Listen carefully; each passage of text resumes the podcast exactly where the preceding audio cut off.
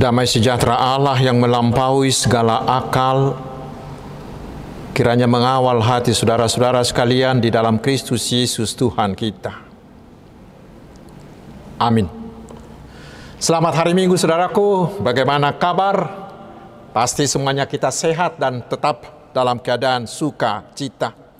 Dan hari ini di Minggu Eksaudi ini, Tuhan akan menyapa kita melalui firman-Nya yang tertulis dari kitab Mazmur pasal 17 ayat pertama hingga ayat yang keenam saya bacakan untuk kita. Doa Daud. Dengarkanlah Tuhan perkara yang benar. Perhatikanlah seruanku. Berilah telinga akan doaku dari bibir yang tidak menipu.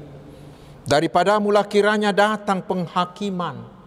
Matamu kiranya melihat apa yang benar Bila engkau menguji hatiku, memeriksanya pada waktu malam dan menyelidiki aku, maka engkau tidak akan menemui sesuatu kejahatan. Mulutku tidak terlanjur tentang perbuatan manusia sesuai dengan firman yang engkau ucapkan. Aku telah menjaga diriku terhadap jalan orang-orang yang melakukan kekerasan langkahku tetap mengikuti jejakmu, kakiku tidak goyang. Aku berseru kepadamu, karena engkau menjawab aku, ya Allah. Sendingkanlah telingamu kepadaku, dengarkanlah perkataanku. Demikian firman Tuhan. Saudaraku yang dikasihi Tuhan Yesus Kristus di zaman kita sekarang kita semakin merasakan karena alasan alas karena alasan kebebasan mengutarakan pendapat, kebebasan berbicara, tetapi yang sangat sering menjadi kebablasan sehingga banyak orang yang bicara sesuka hatinya menyampaikan tuduhan-tuduhan palsu yang menyakitkan dan itu yang cepat beredar di media sosial kita. Tanpa mereka sadari itu membuat nama orang menjadi tercemar. Mereka menjadi sakit, sedikitnya menjadi pembunuhan karakter. Karena itulah sekarang ini banyak kasus pencemaran baik diajukan di pengadilan kita. Saudaraku, hal seperti itu juga yang dialami oleh pemazmur ini. Bila kita membaca mulai dari ayat 9 hingga 12, Pemasmur ini sepertinya dikelilingi banyak orang yang ingin mencabut nyawanya dengan menggunakan segala cara. Mereka merongrong, mereka terus mencemarkan nama baik si pemasmur. Dia difitnah dengan tuduhan-tuduhan palsu. Padahal kita tahu saudaraku fitnah itu lebih kejam dari pembunuhan. Dan itu yang sangat menyusahkan hati si pemasmur. Karena itulah kepada kita sekarang saudara-saudaraku, janganlah pernah menjadi menjadi penyebar fitnah yang menjatuhkan martabat orang lain. Tetapi hendaknya kita semuanya menuruti hukum Taurat yang kesembilan yang mengatakan bahwa kita harus terus saling melindungi. Kita hanya mengatakan hal-hal yang baik tentang sesama kita. Bila kita baca ayat 3 sampai ayat 5 kita lihat. Pemasmur ini berani bersaksi di hadapan Allah yang tahu segala-galanya bahwa dia tidak pernah melakukan kejahatan. Dia hanya melakukan kehendak Tuhan. Dia seorang yang saleh yang takut akan Tuhan. Karena itu bisa kita bayangkan bagaimana remuknya perasaan si pemazmur karena difitnah itu. Benarlah ungkapan yang mengatakan, sebaik apa pun kita berperilaku, selalu saja ada orang yang membenci kita. Bahkan semakin banyak kita berbuat baik, semakin banyak pula yang membenci kita. Tetapi jangan takut saudaraku.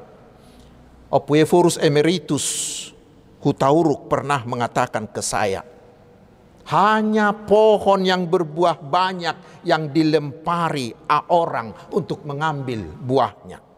Buah yang tidak pohon yang tidak berbuah tidak pernah dilempari orang. Hanya pohon yang berbuah baik, berbuah banyak dan berbuah enak. Itu yang dilempari orang. Lalu saudaraku ini yang perlu bagi kita selanjutnya. Bagaimana sikap kita bila kita menghadapi keadaan seperti dialami oleh si pemazmur. Bila pohon kita itu selalu dilempari. Mari kita belajar dari firman Tuhan di minggu eksaudi ini. Pertama kita diajak, mari saudaraku bereksaudilah.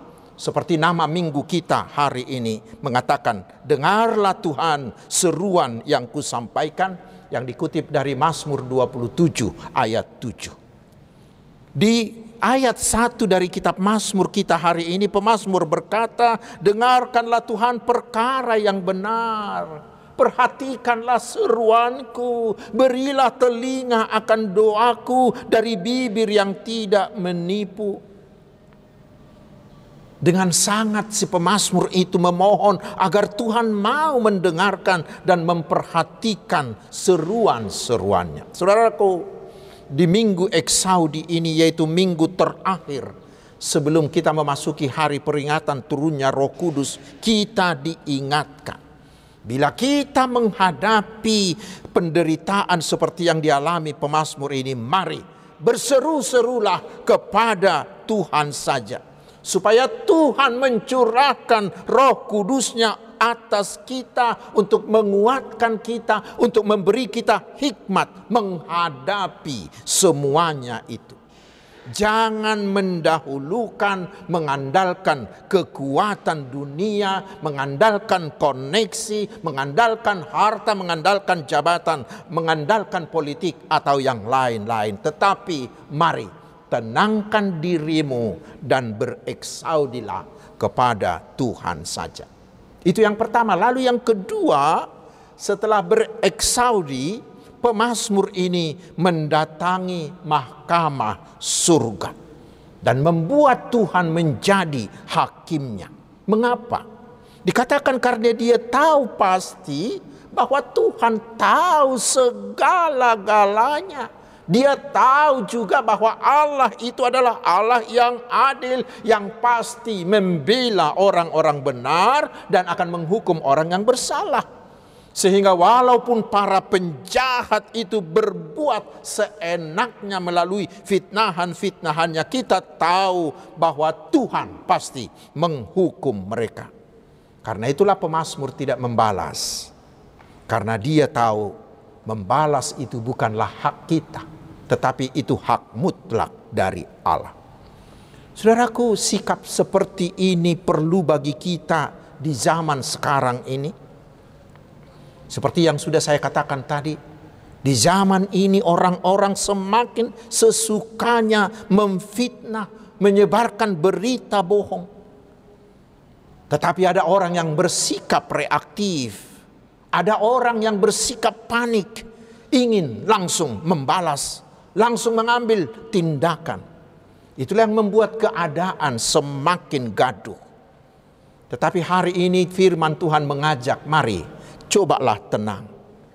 Ketika ada orang yang memfitnah, yang menuduhkan yang tidak-tidak atas kita, mari. Coba arahkan wajahmu ke atas. Angkat tanganmu menengadah ke sorga. Luapkan semua keluhanmu kepada Tuhan. Dan lihatlah hasilnya. Hatimu akan tenang di hati kita ini akan ada ruang kosong, ruang yang lapang, yang kemudian diisi oleh pikiran yang tenang. Kita akan mulai berpikir jernih. Ketika kita mengambil tindakan tersebut, kita menjadi tidak gegabah tetapi semua pertimbangan-pertimbangan akan tindakan berikutnya kita ambil dengan matang dan hasilnya pasti menjadi baik. Dan setelah itu saudaraku ada yang ketiga. Si pemazmur itu mengarahkan, menyerahkan semua masalahnya kepada Tuhan karena dia mengenal siapakah Allah itu. Pemasmur itu mampu bertahan menghadapi gempuran yang tak berperi kemanusiaan dari orang-orang yang bagaikan singa yang mengaum itu. Dia bisa bertahan hanya karena dia mengenal siapakah Tuhannya itu.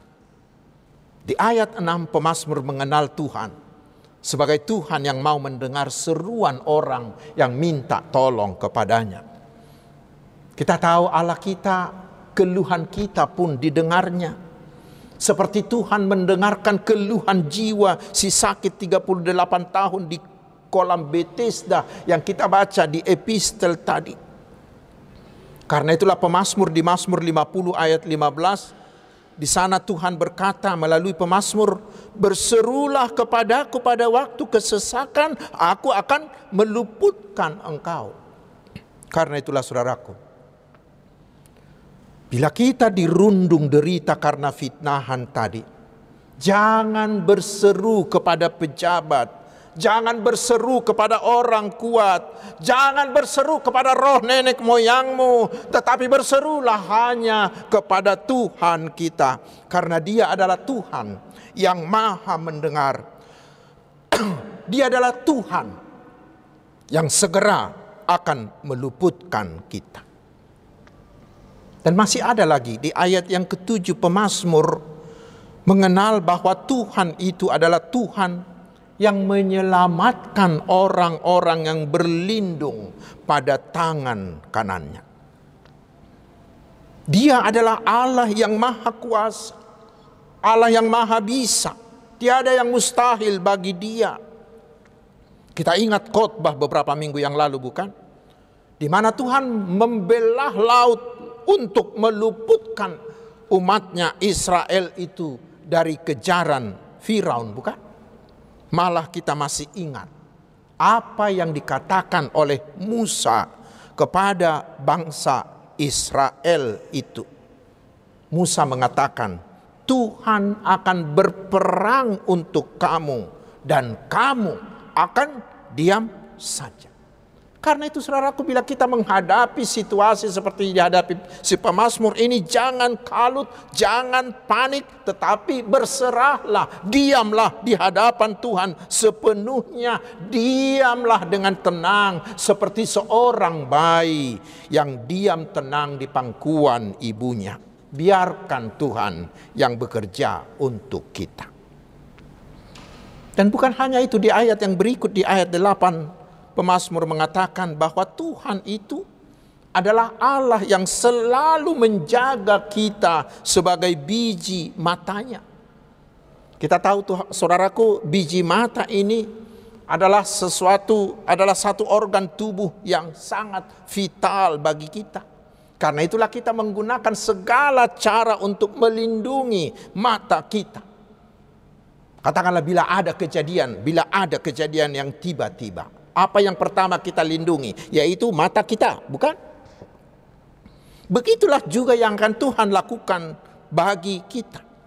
Di ulangan 32 ayat 10b dikatakan bahwa Tuhan menjaga Israel sebagai biji matanya.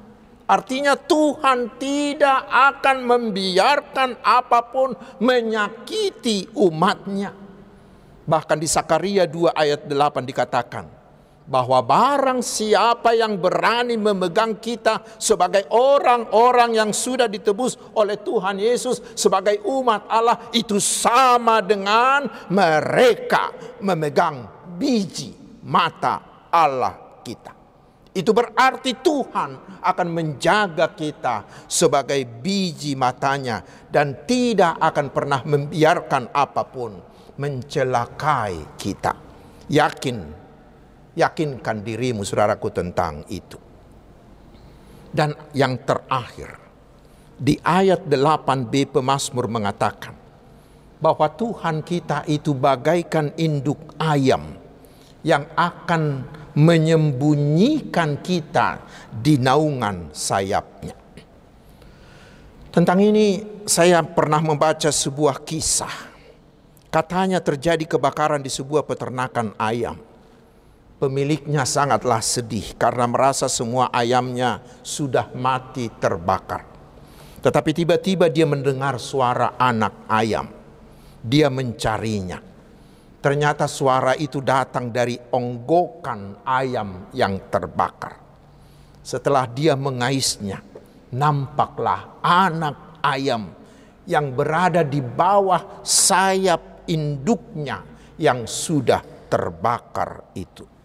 Rupanya induknya itu mau menderita hingga menjadi abu asalkan bisa menyelamatkan anaknya itu dengan menyembunyikan anaknya itu di bawah sayapnya.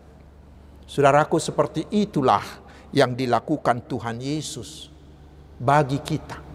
Dia mau mati, dia mau berkorban mengorbankan nyawanya asalkan kita orang yang berdosa ini bisa selamat. Dan pasti kita selamat asalkan kita mau datang ke bawah naungan sayapnya. Yaitu melalui iman kita, melalui doa-doa kita, melalui meditasi kita, melalui ibadah-ibadah pribadi kita.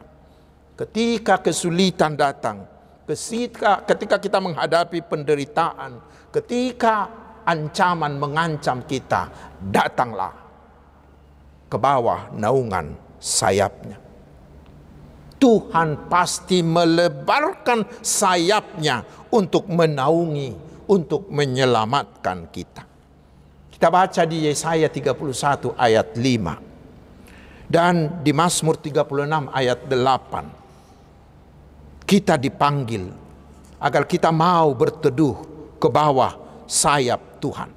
Seperti Tuhan Yesus memanggil kita, datanglah kepadaku, hai kamu yang letih lesu dan berberat, berbeban berat. Aku akan memberi kamu akan kelegaan. Tuhan akan memberi kita bukan hanya kelegaan, tetapi keselamatan. Saudaraku yang dikasihi Tuhan Yesus Kristus, pengenalan yang jelas dan pengenalan yang benar tentang Allah itu akan membuat kita bisa tetap tenang tanpa gelisah menghadapi segala fitnahan, segala ancaman, segala teror atau sikap bermusuhan dari orang lain. Kita akan bisa tetap tenang, tidak gelisah. Kita bahkan masih bisa tidur nyenyak seperti khotbah beberapa minggu yang lalu bagaimanapun kritisnya ancaman yang kita hadapi bila bila kita mengenal Allah dengan jelas. Karena bila kita mengenal Tuhan itu dengan jelas, itu akan membuat kita selalu dan akan segera menyerahkan seluruh masalah kita ke tangan Tuhan. Dan kita akan segera berlari, berlindung di bawah sayapnya dan dia akan menjaga kita seperti biji matanya. Itu membuat kita bisa tetap tenang. Karena itu saudaraku, bila hidupmu terancam, bila hidupmu menderita, mari bereksaudilah, berseru-serulah kepada Tuhan dan segeralah datang bernaung di, di bawah sayapnya. Tuhan akan menjagamu seperti biji matanya. Tuhan Yesus memberkati kita. Amin. Mari kita berdoa. Ya Tuhan terima kasih atas firman-Mu yang selalu menguatkan kami. Terutama bila kami menghadapi fitnahan, menghadapi pencemaran nama baik atau ancaman lain. Kami akan segera menyerahkan seluruhnya ke tangan-Mu dan berlindung di bawah sayap-Mu. Karena kami mengenal Engkau Allah yang mau melakukan apa saja dengan caramu yang ajaib untuk menyelamatkan kami. Ya Tuhan yang maha baik, kami percaya bahwa Tuhan akan mencurahkan berkat-Mu untuk jasmani dan untuk rohani kami. Engkau akan menjagai keluarga kami tetap utuh dan penuh bahagia dalam kasih-Mu. Engkau juga akan menyembuhkan segala sakit dan penyakit kami. Engkau akan membuat semua pekerjaan dan studi kami berhasil memuaskan. Ya Tuhan yang maha baik, Berikanlah jodoh bagi anak-anak kami yang sudah merindukannya. Berilah kemudahan bagi mereka yang sudah berencana menikah. Berilah kelahiran anak bagi mereka yang sudah menikah. Berilah pekerjaan bagi mereka yang sedang mencarinya. Dan berilah kesuksesan untuk seluruh usaha kami. Ya Tuhan Raja Gereja, berilah kekuatan dan kuasamu bagi seluruh hambamu sehingga melalui pelayanan para hambamu, iman umatmu semakin bertumbuh, semakin berbuah, ber, semakin dewasa, dan semakin berbuah. Jagailah bangsa dan negara kami ini ya Tuhan, agar tetap penuh, agar tetap penuh kedamaian, aman, solid, bersatu, jauh dari para pemecah belah, jauh dari kaum separatis, jauh dari teroris, jauh dari anasir-anasir jahat lainnya karena itu berilah ya Tuhan hikmatmu bagi para pemimpin bangsa kami. Mulai dari tingkat tertinggi hingga terendah. Terpujilah namamu ya Tuhan, Raja segala Raja. Tuhan yang maha mulia dan maha kuasa. Di dalam nama Tuhan Yesus Kristus. Amin.